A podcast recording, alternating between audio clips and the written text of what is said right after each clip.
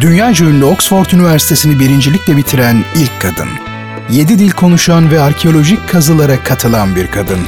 Dünyayı gezen ve en zorlu dağcılık zirvelerine tırmanan bir kadın.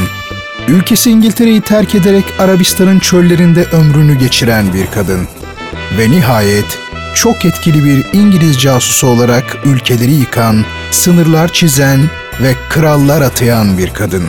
Geçmiş zaman olur ki yeni bölümünde Birinci Dünya Savaşı sırasında Arapların Osmanlı'ya karşı örgütlenmesinde önemli rol oynamış olan İngiliz kadın casus Gertrude Bell'i konuk ediyor.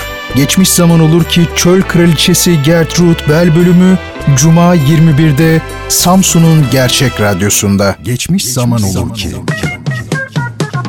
Tarihin en ilginç olayları ve en renkli kişileri bu programda. Bertan Rona tarafından hazırlanıp sunulan Geçmiş Zaman Olur ki sizleri her hafta şaşırtıcı konularla dolu bir tarih sohbetine davet ediyor. Geçmiş Zaman Olur ki her pazartesi ve her cuma saat 21'de Samsun'un Gerçek Radyosu'nda. Geçmiş Zaman Olur ki başlıyor. başlıyor.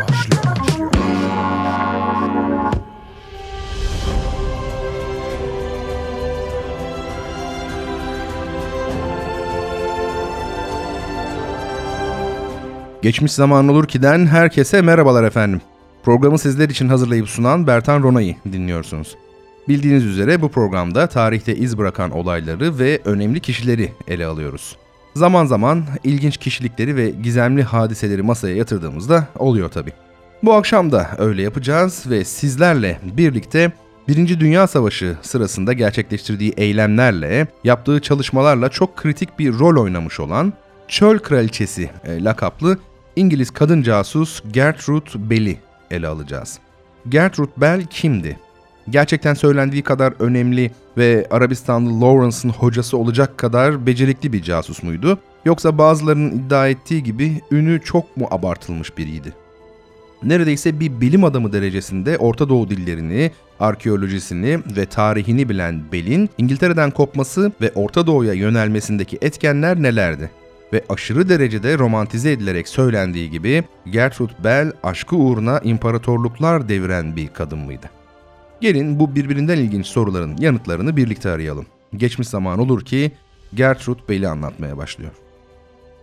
Gertrude Bell tam adıyla Gertrude Margaret Lothian Bell. Arkeolog, seyyah, dağcı, yazar, diplomat ve 8 dil bilen Orta Doğu uzmanı bir kadın casus. 1868 yılında İngiltere'nin kuzeyindeki Durham kasabasında doğdu. Oxford'u birincilikle bitiren ilk kadın olarak tarihe geçti. Asil bir aileye mensup olmanın rahatlığıyla seyahatlere çıktı. İlk gittiği yer yakın bir akrabasının büyükelçilik yaptığı Tahran oldu. Daha sonra Suriye, Filistin ve Anadolu seyahatleri birbirini izledi. Arkeolog olarak Anadolu ve Arap coğrafyasında birçok kazıya katıldı. Orta Doğu'yu avcunun içi gibi bilmesi, savaşın başlamasıyla birlikte onu İngiliz istihbaratının saflarına çekti. Kahire'deki Arap bürosunda Osmanlı'yı bölgeden çıkarma planlarına iştirak etti. Savaş sonrası Irak Krallığı'nın kuruluşunda büyük rol oynadı ve tahta çıkardığı yakın dostu Faysal bin Hüseyin'in danışmanlığını yaptı. Gertrude Bell, fırtınalarla dolu hayatına uyku haplarıyla son verdiğinde 58 yaşını doldurmasına sayılı günler kalmıştı. Evet, Arap Yarımadası'nın her yanında çöl kraliçesi diye adlandırılan Gertrude Bell, Kraliçe Victoria döneminin seçkin bir ailesi ve ayrıcalıklı çevresi içinde yetişmesine karşın bu çevrenin sunduğu nimetlere sırt çevirip yaşamını Arabistan çöllerinde sürdürmeyi yeğler. Arap dünyasını önce bir gezgin, sonra da araştırmacı olarak dolaşır. Bölgeyi karış karış gezerek haritalar çıkarır, arkeolojik kazılara katılır çeşitli aşiretlerden ve hiziplerden siyaset adamlarıyla ve dini liderlerle olduğu kadar halkla da kaynaşır. Bel'in Arabistan'da böylesine benimsenmesi, Birinci Dünya Savaşı'nda İngiliz istihbarat servisinin onu en uygun kişi olarak görevlendirmesiyle sonuçlanır. Arabistanlı Lawrence olarak bilinen T.E. Lawrence'ı da bir anlamda yetiştiren, ona yol gösteren, akıl hocalığı yapan, onun nüfuzlu kişilerle ilişki kurmasını sağlayan Gertrude Bell olur. Efendim başlarken de belirttiğimiz üzere Gertrude Bell 14 Temmuz 1868'de Durham, İngiltere'de dünyaya gelir. İngiltere'nin önde gelen zenginlerinden olan sanayici bir aileye mensuptur. Bell annesini 2 yaşında kaybeder. 3 yaşındayken babası yeniden evlenir. Üvey annesiyle araları ilk yıllarda pek hoş değildir. Ailenin tüm üyelerinin Bell hakkındaki ortak görüşü ise şudur. Gertrude anlaşılması çok zor bir insandı. Kısa ama son derece açık bir ifade. Gertrude Bell'in üvey annesiyle aralarındaki ilişki daha sonra düzelir ve Bell ölene dek ona mektuplar yazar. Fakat hayatına yön veren asıl kişi gezi tutkusunu miras aldığı babasıdır. Onuruna düzenlenen bir toplantıda 80'lerindeki babası benzersiz ilişkilerini şöyle tanımlar. Bence bizim kurmayı başardığımız o özel mahrem ilişki bugüne kadar hiçbir baba kıza nasip olmamıştır. Liseden sonra üniversiteye gitmek ister. Ancak 19. yüzyılda kadınların üniversiteye gitmesi pek alışıldık bir şey değildir. Oxford'a kabulü ve sonrasındaki eğitimi çok zordur. Kütüphaneyi kullanamaz, sınıflarda ayrı yerlere oturtulur, hatta bir profesör onu ancak yüzü duvara doğru dönük oturması şartıyla derse kabul eder. Buna rağmen üniversitenin modern tarih bölümünü birincilikle bitirir, Oxford'u birincilikle bitiren ilk kadın olur. Günlüklerinde yazdığına göre fazla Oxfordlu bulunduğu için evlilik piyasasında yer edinememiştir. 1892'de İran'da büyükelçi olan amcasının yanına gitmek için Farsça öğrenir. Vahşi bir yolculuğun eşiğinde olmanın getirdiği heyecanı insan hayatta çok nadir olarak hissedebilir diye yazar günlüğüne. İfadeye bakar mısınız? Vahşi bir yolculuğun eşiğinde olmanın getirdiği heyecanı insan hayatta çok nadir olarak hissedebilir. Ve 23 yaşındaki Bell, Shark Ekspresi ile Paris'ten İstanbul'a, oradan gemiyle ve nihayet karayoluyla İran'a gider. Burada diplomat Henry Cadogan ile tanışır. Ünlü şair Rudyard Kipling'in şiirlerini ve Henry James'in hikayelerini de içeren bir edebiyat sevgisini paylaşırlar. Gertrude, Henry Cadogan'a aşık olur ve nişanlanırlar. Ancak babası Cadogan'ın kumar alışkanlığı nedeniyle evlenmelerine izin vermez. Bell, aynı yıllarda İranlı şair Hafız-ı Şirazi'nin divanından bazı parçaları İngilizceye çevirerek yayınlar. Sonraki 10 yıl Bell'in macera dolu yıllarıdır. İki dünya turu yapar, Orta Doğu'yu yakından tanır. 1902'de Alplerdeki Finsteraarhorn zirvesine tırmanırken ekibiyle yakalandığı fırtınada bir ipin ucunda asılı olarak geçirdiği 53 saatin ardından gösterdiği cesaretle tüm ekibin kurtulmayı başardığı anlatılır. Günümüzde Alplerdeki bir zirve bu nedenle Gertrude zirvesi olarak bilinmektedir. Bell 1899-1900 arasında yaptığı Kudüs gezisinde Arapça öğrenir, Arapların arkeolojik mirasını keşfeder. Hayatı bu geziden itibaren Araplara karşı duyduğu ilgi hatta tutkuyla şekillenir. Bell o güne dek hiçbir batılı kaşifin ayak basmadığı yerlere, çölün derinliklerine, başında sadece erkek rehberlerin bulunduğu kervanlarla sayısız gezi yapar. Arap kabilelerinin güvenini kazanır. Gertrude'un hayatını yazan Janet Wallach'ın deyimiyle ayak basılmamış toprakların haritasını çıkartarak vahaların yerlerini işaretler. Bu arada İngiltere'nin kimi dost kimi düşman kabul ettiğini öğrenir. Sevgili dinleyicilerim, Gertrude Bell 1907'de Anadolu'daki kiliselerle ilgili bir araştırma yaptığı sırada Konya'ya da gelir. Hayatının en büyük aşkı olarak tanımladığı İngiltere'nin Konya askeri konsülü binbaşı Dick Doty Wiley ile burada tanışır. Bell onu anlatırken gözlerindeki gölgelerde mistik bir şeyler vardı diye yazar. Ancak binbaşı evlidir. Bell eşinden ayrılması için baskı yapsa da binbaşının eşinin intihar edebileceği tehdidi karşısında uzun bir süre görüşemezler. Fakat Gertrude günlüklerinde kalbinin hala onun için çarptığını yazar.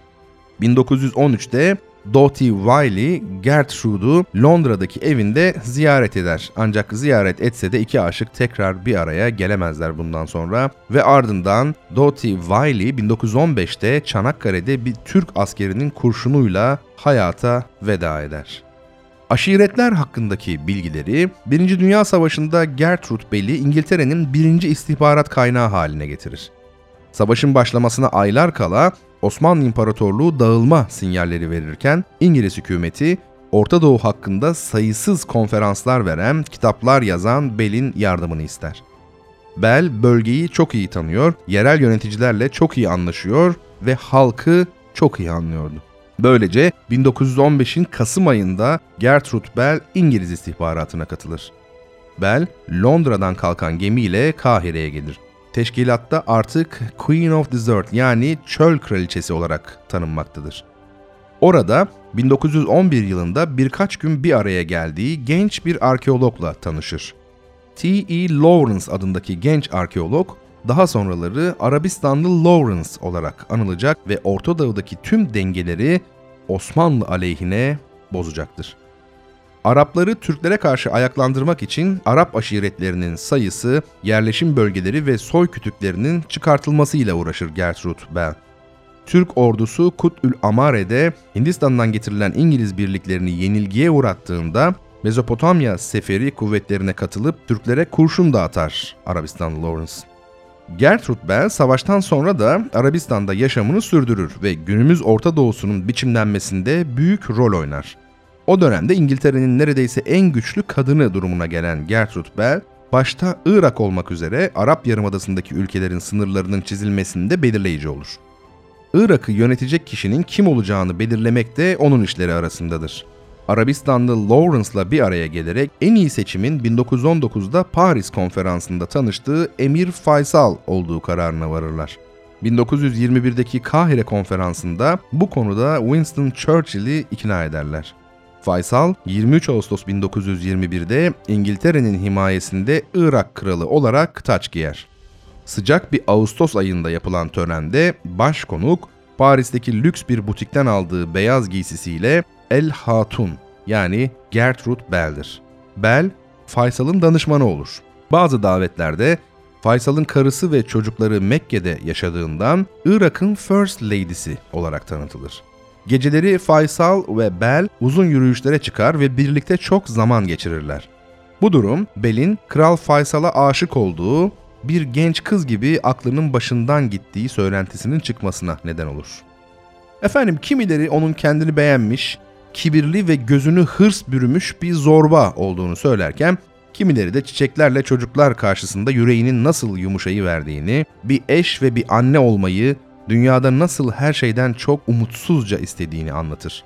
Fransızca, İtalyanca, Almanca, Türkçe, Kürtçe, Arapça ve Farsça bilen, kızıl saçlı, yeşil gözlü, ince yapılı, daha o yıllarda tütün kullanan, Orta Doğu'nun erkek dünyasında tek başına bir İngiliz kadını.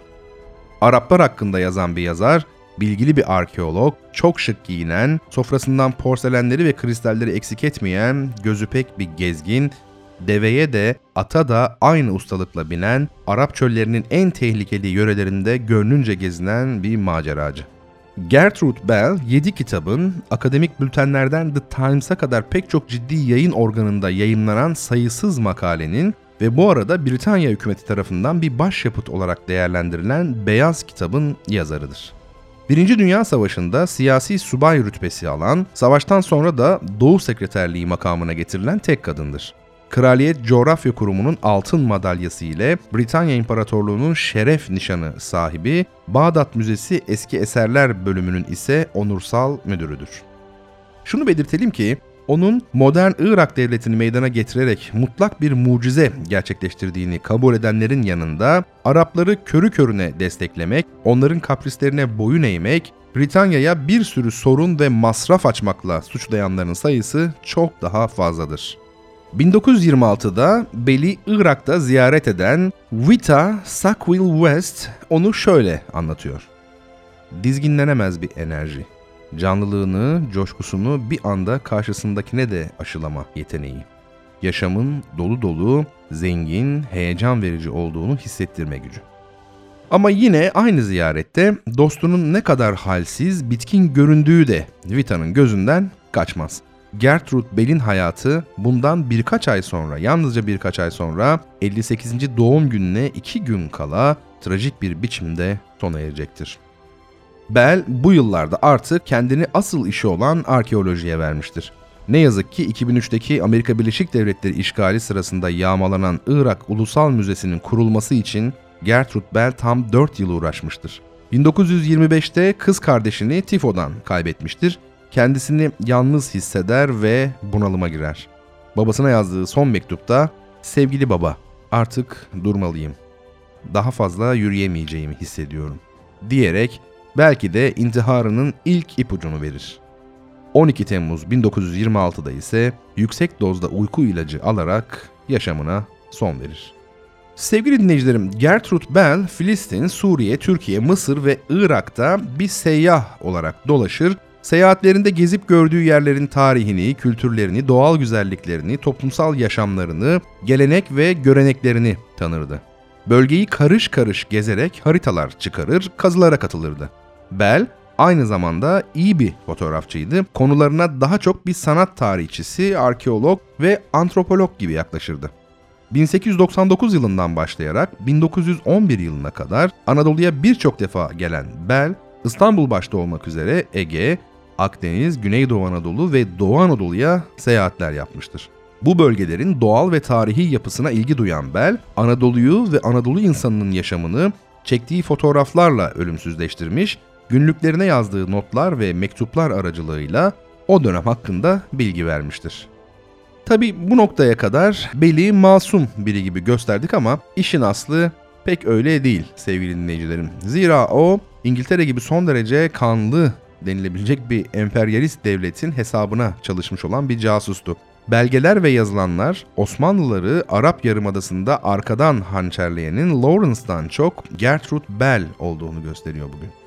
Bu çabalarının amacının Arap halklarının özgürlüğü ya da İngiltere'nin petrol yataklarına egemen olması gibi siyasal olduğunu öne sürenler olduğu gibi büyük aşkla tutkun olduğu sevgilisinin Gelibolu Savaşı'nda öldüğünü öğrenince Osmanlılara beslediği bir öç alma duygusundan hareketle psikolojik olduğunu öne sürenler de bulunuyor. Yeri gelmişken belirtelim.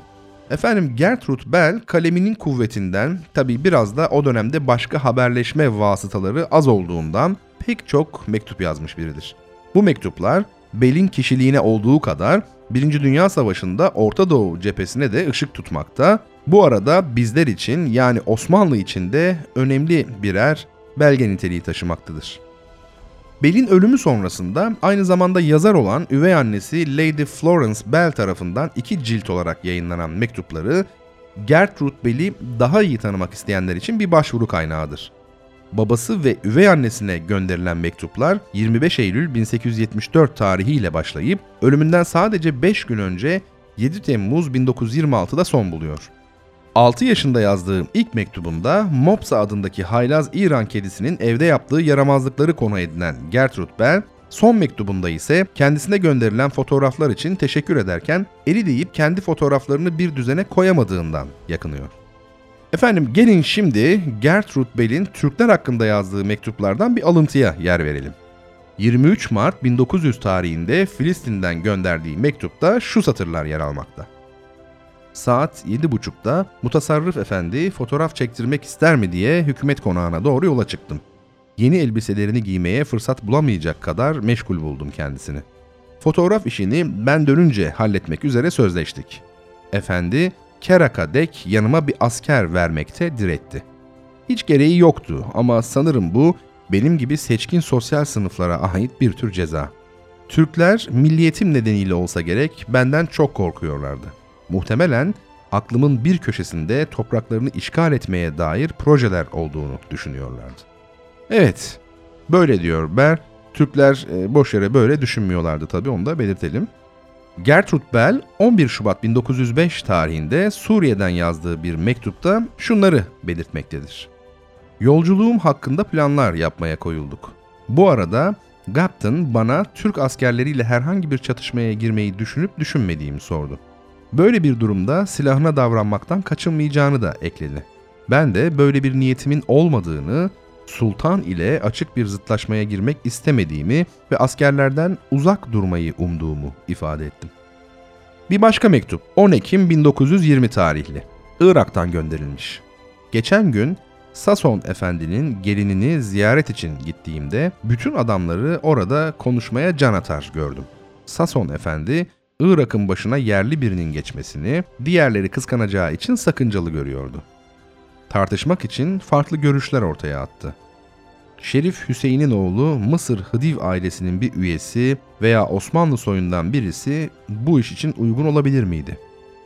Ben Sir Percy'nin bu tercihlere aldırış etmeyeceğini ama kendi payıma Osmanlı soyunun artık bir hükmünün kalmadığını, en uygun ismin bir Arap prensi olacağını söyledim. Ve nihayet sevgili dinleyicilerim Gertrude Bell'in 22 Nisan 1920 tarihinde yine Irak'tan gönderilen bir mektubundan satırlar. Adam adama er meydanında korkusuzca şunu diyebiliriz ki bir İngiliz danışman Türk danışmandan daha iyidir. Biz bu ülkeye verebileceğimiz en iyi şansı vermek istiyoruz. Mesele Arapları bu şansı kabul etmeye ikna etmek. Olaylar kontrolümüzden çıkıp bizi şimdiki yerimizden etmedikçe bunu başarabiliriz. Eğer şimdi yapmaya koyulduğumuz işi 18 ay önce yapmış olsaydık sorun çok daha basit olacaktı. Evet sevgili dinleyicilerim, asıl meselenin Arapların yoğun olarak yaşadıkları yerlerden Osmanlıları çıkarmak ve yerine İngilizleri geçirmek olduğu açıkça anlaşılıyor. Bu savaşın, bu çabanın sonunun ne olduğu da ortada. Yaklaşık 100 yıldır devam eden emperyalist politikalar, işgaller, açlık, yoksulluk, hastalık, doğa felaketleri vesaire. Dolayısıyla Gertrude Bell ile Arabistanlı Lawrence gibi insanların otantik, egzotik sanatsal ve ince kişiler olarak pazarlanmasına itibar etmemek lazım. Evet böyle yönleri olabilir ama onlar son çözümlemede İngiliz casusudurlar. Başka bir söze de gerek yoktur sanırım. Efendim bu akşamlık bizden bu kadar olsun. Bu bölümümüzde sizlere Çöl Kraliçesi lakabıyla tanınan ünlü İngiliz kadın casus Gertrude Bell'i anlatmaya çalıştık. Bunu yaparken gerçekhayat.com.tr'deki Süleyman Şahin imzalı bir yazıdan ve leblebitozu.com sitesinden yararlandık. Bendeniz Bertan Rona. Geçmiş zaman olur ki sizler için hazırlayıp sunuyorum. Programı her hafta pazartesi ve cuma akşamları saat 21'de Radyo Gerçek'te dinleyebilirsiniz sevgili dinleyicilerim. Böylece tarihin ilginç ve önemli olaylarını, kişilerini benimle birlikte hatırlamış olursunuz. Önümüzdeki bölümde yeniden bir arada olabilmek dileğiyle esen kalın.